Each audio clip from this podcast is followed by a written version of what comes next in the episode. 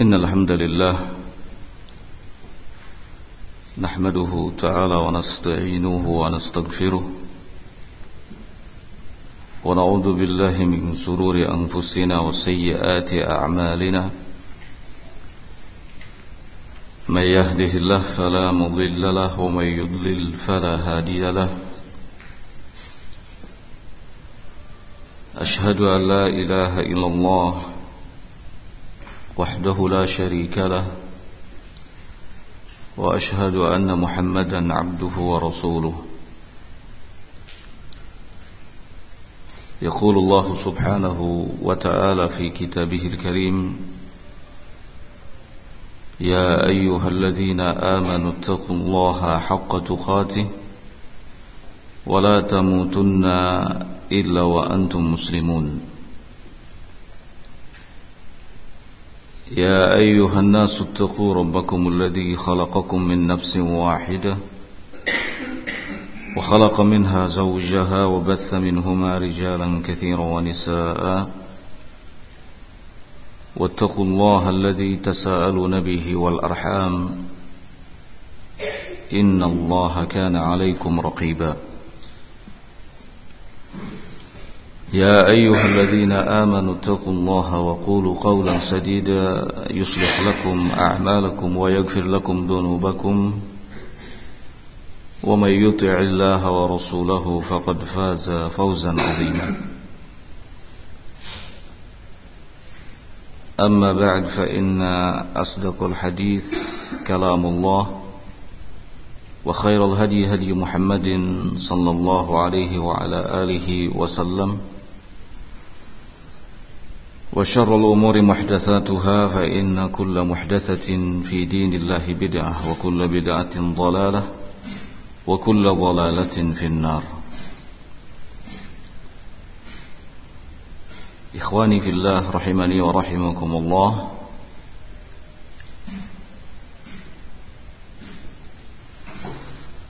Menghormati sesama adalah hal yang telah diwajibkan di dalam syariat kita Semua itu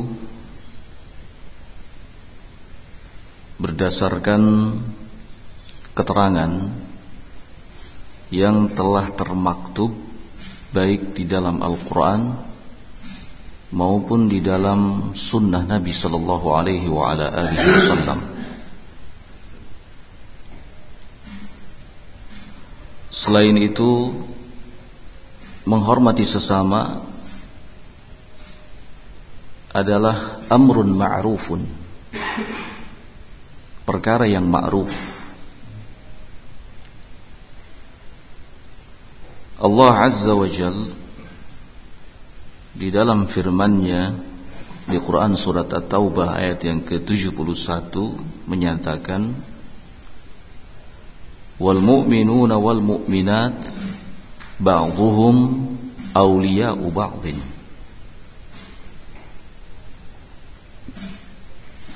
golongan mukmin dan golongan mukminah sebagian mereka adalah wali penolong bagi sebagian yang lainnya. Saling mencintai saling menjaga saling membantu dan saling memperhatikan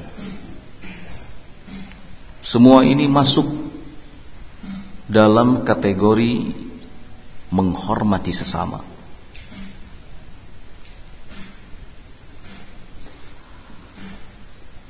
Kemudian Allah Azza wa Jal juga menegaskan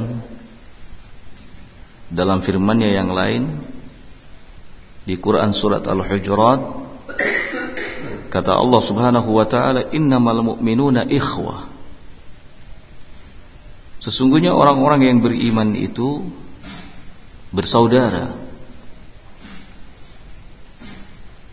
Dan salah satu bentuk dari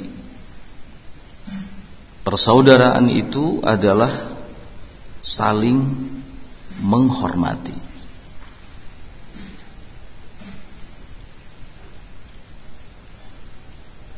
Di dalam hadis Nabi sallallahu alaihi wa ala alihi wasallam menegaskan al-muslimu akhul muslim la yadlimuhu wa la yakhdhuluhu. Seorang muslim adalah saudara bagi muslim lainnya. Tidak akan menzaliminya dan tidak akan merendahkannya. Bahkan Nabi Shallallahu Alaihi wa ala alihi Wasallam juga kembali menegaskan, "Laisa minna man lam yarham saghirana wa lam yuwaqqir kabirana." Tidak termasuk ke dalam golongan kami siapa yang tidak menyayangi yang kecilnya dan menghormati yang besarnya. Maka ikhwani fiddin rahimani wa rahimakumullah Islam telah memerintahkan kepada kita untuk saling menghormati dan menempatkan setiap orang sesuai dengan tempatnya.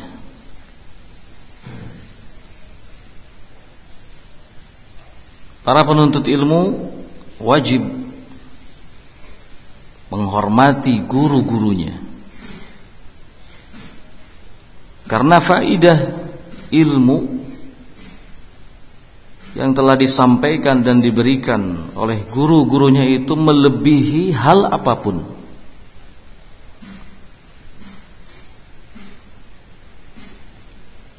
Tidak bisa diukur dengan semua perkara-perkara duniawi.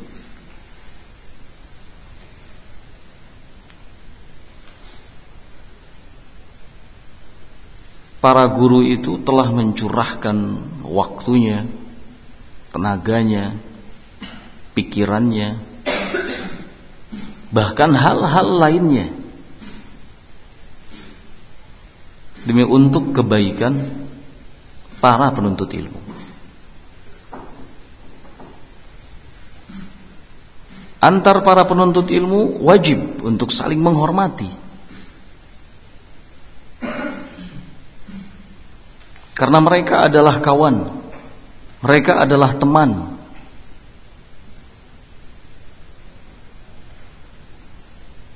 Teman seperjuangan. Teman seperjalanan. Sama-sama menyandang status sebagai penuntut ilmu. Jadi harus saling menghormati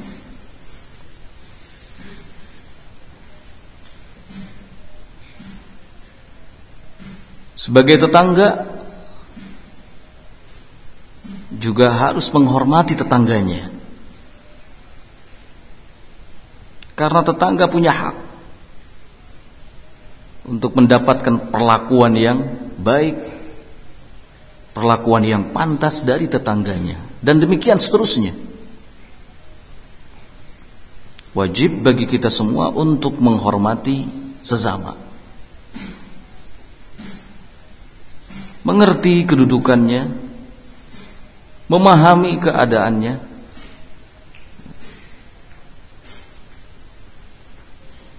dan ini sesuatu yang penting dalam syariat kita.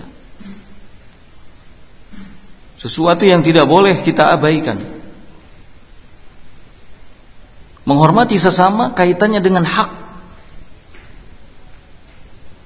Dan setiap hak itu wajib untuk ditunaikan dengan baik.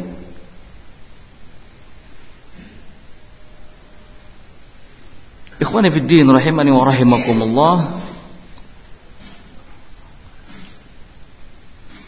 Di antara bentuk saling menghormati sesama adalah yang pertama Tidak boleh ada ghibah. Nabi Shallallahu Alaihi Wasallam menyatakan dalam hadis riwayat Muslim, "Kullul muslimi 'alal muslimi haramun damuhu wa maluhu wa 'irduhu." Setiap muslim atas muslim lainnya haram. Darahnya haram, hartanya haram kehormatannya. Darahnya haram ditumpahkan, hartanya haram untuk dirampas dan kehormatannya haram untuk dilanggar. Gibah adalah tindakan melanggar kehormatan.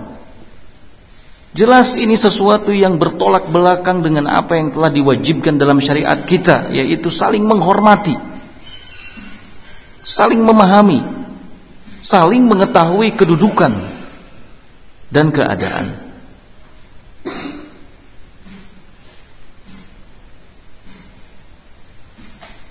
Yang kedua, tidak boleh ada kebencian dan kedengkian. Nabi Shallallahu Alaihi Wasallam juga dalam Sahih Muslim menyatakan la tabaghadu wa la tahasadu wa la tadabaru wa la taqata'u wa kunu ibadallahi ikhwana. Janganlah kalian saling membenci. Janganlah kalian saling mendengki.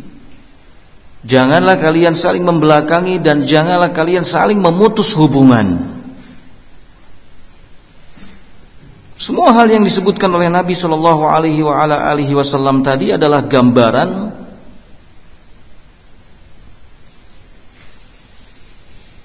yang menjelaskan kepada kita bahwa semuanya hal yang tidak membawa kepada kebaikan dan bertolak belakang dengan ihtiram dengan sikap saling menghormati. Kata Nabi Shallallahu Alaihi Wasallam setelahnya, wakunu ibadallahi ikhwana. Jadilah kalian hamba Allah yang bersaudara.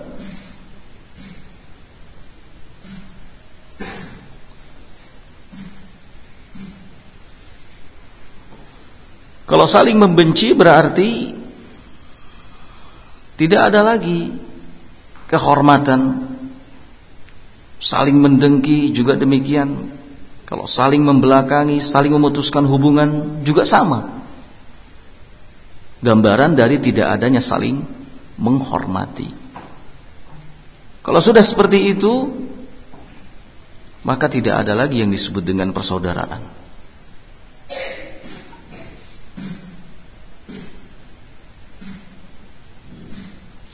Jadi jika kita ingin mewujudkan sikap saling menghormati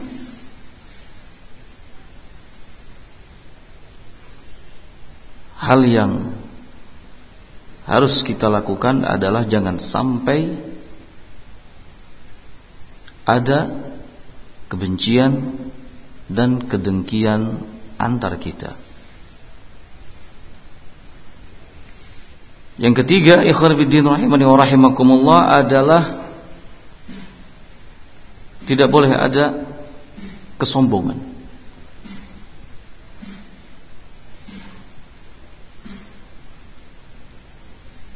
Nabi sallallahu alaihi wa ala alihi wasallam menyatakan dalam sabdanya la yadkhulul jannata man kana fi qalbihi mithqala dzarratin min kibrin nggak akan masuk ke dalam jannah seseorang yang dalam hatinya ada kesombongan walau seberat biji zarrah. Bagaimana pula jika kesombongan itu lebih besar dari biji yang disebutkan oleh Nabi Shallallahu Alaihi Wasallam tadi? Sekedar seberat biji zarrah saja itu membuat seseorang tidak akan masuk ke dalam jannah. Dalam kehidupan sesama muslim tidak boleh ada istilah saling menyombongkan. Saling berbangga. Yang satu eh, yang paling pantas menyandang al-kibriya, kebesaran dan kesombongan itu hanyalah Allah Azza wa Jalla.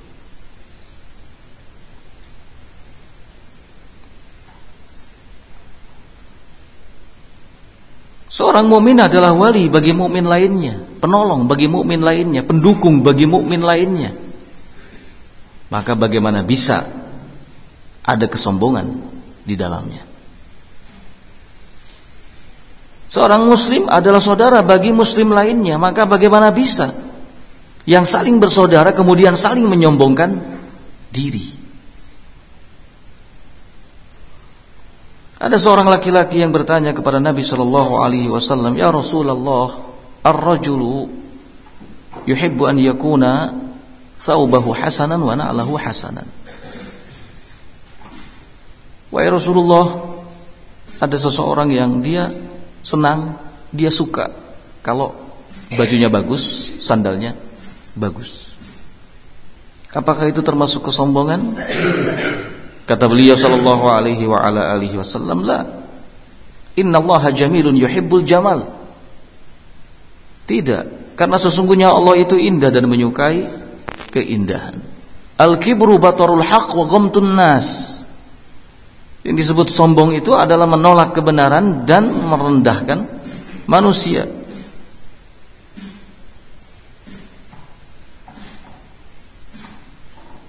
tidak mau menerima kebaikan, sombong di hadapan kebaikan dan meremehkan manusia. Menganggap semua orang tidak memiliki peranan sama sekali. Memandang orang lain sebelah mata.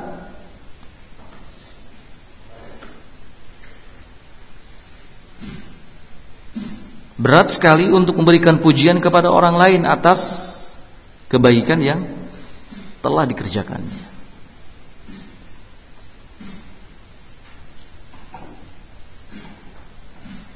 Kalau saling menghormati, maka tidak boleh ada kesombongan.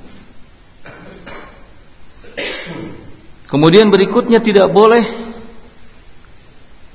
ada penghinaan. Nabi Shallallahu Alaihi Wasallam menyatakan dalam hadis riwayat Muslim, bihasbi mri'in minasyar an yahqira akhahul muslim. Cukuplah seseorang itu ada dalam kejelekan ketika ia menghina, melecehkan saudaranya yang muslim. Gak boleh melakukan penghinaan, pelecehan.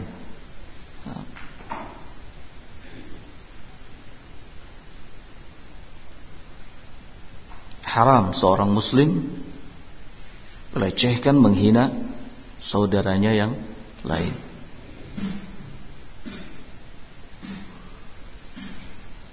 Kemudian adamul la'n wal qadaf Jangan sampai ada laknat dan tuduhan tak berdasar.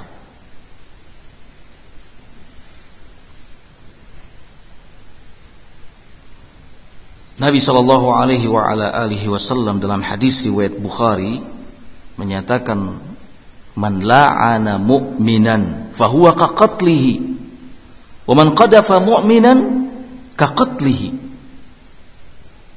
Barang siapa yang melaknat seorang mukmin, maka itu bagaikan membunuhnya. Dan barang siapa yang melemparkan tuduhan kepada seorang mukmin yang tidak berdasar sama sekali, maka itu juga sama kakotlihi seperti membunuhnya. Kata-kata membunuh yang disebutkan oleh Nabi Shallallahu Alaihi Wasallam ini adalah kata-kata yang serius, kata-kata yang besar. Karena pembunuhan itu adalah puncak dari tindakan kekerasan. Puncak dari tindakan anarkis.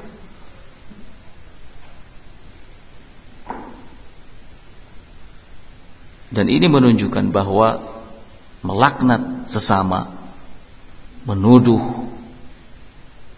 sesama dengan tuduhan yang tidak benar adalah dosa besar.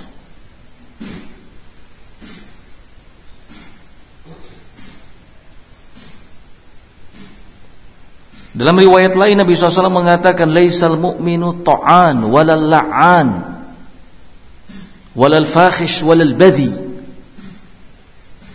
Seorang mukmin itu bukanlah seseorang yang pandai melaknat, pandai mencela.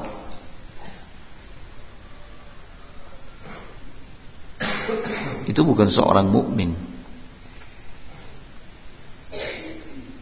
Bukan seorang muslim yang baik. Al-muslimu man salima min lisanihi man salimal muslimuna min lisanihi wa yadihi seorang muslim itu adalah yang kaum muslimin pada umumnya selamat dari gangguan lisannya dan tangannya.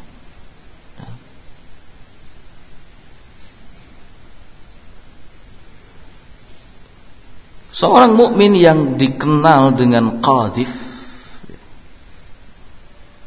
tukang menuduh, tukang menyebarkan fitnah, itu tidak layak diterima riwayatnya. Enggak layak diterima riwayatnya. Bahkan tidak boleh menyampaikan sesuatu yang ada hubungannya dengan din.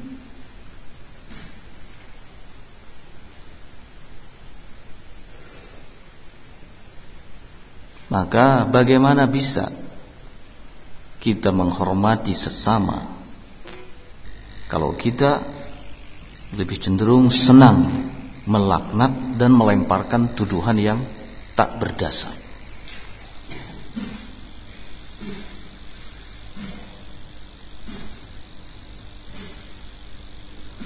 Nabi Shallallahu Alaihi Wasallam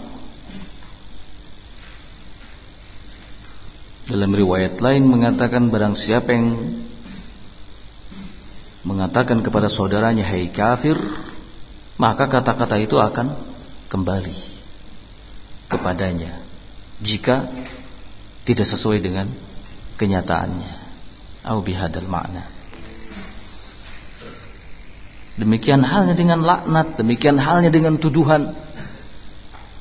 Ketika kita mengarahkan satu jari telunjuk kita kepada saudara kita, maka akan ada sekian jari yang mengarah kepada kita. Dan itu hukuman.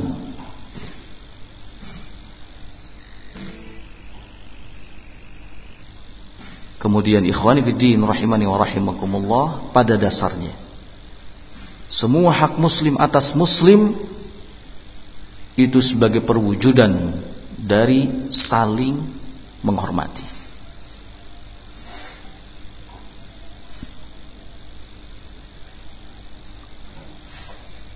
Maka penting untuk selalu kita ingat bahwa menghormati sesama adalah hal yang dijunjung tinggi dalam syariat kita. Nabi Shallallahu Alaihi Wasallam adalah panutan contoh kita dalam hal ini. Seluruh perjalanan hidupnya beliau selalu memberikan contoh kepada kita soal bagaimana menghormati sesama dan menempatkan setiap orang tepat pada tempatnya. Rahimallahu ra'an arafa qadra nafsa. Kata para ulama, semoga Allah Subhanahu wa taala merahmati seseorang yang mengetahui kedudukan dan kadar dirinya. Semoga bermanfaat. Naktafi bihadzal qadar. Subhanakallahumma bihamdik asyhadu an la ilaha illa anta astaghfiruka wa atubu ilaik. Walhamdulillahi rabbil alamin.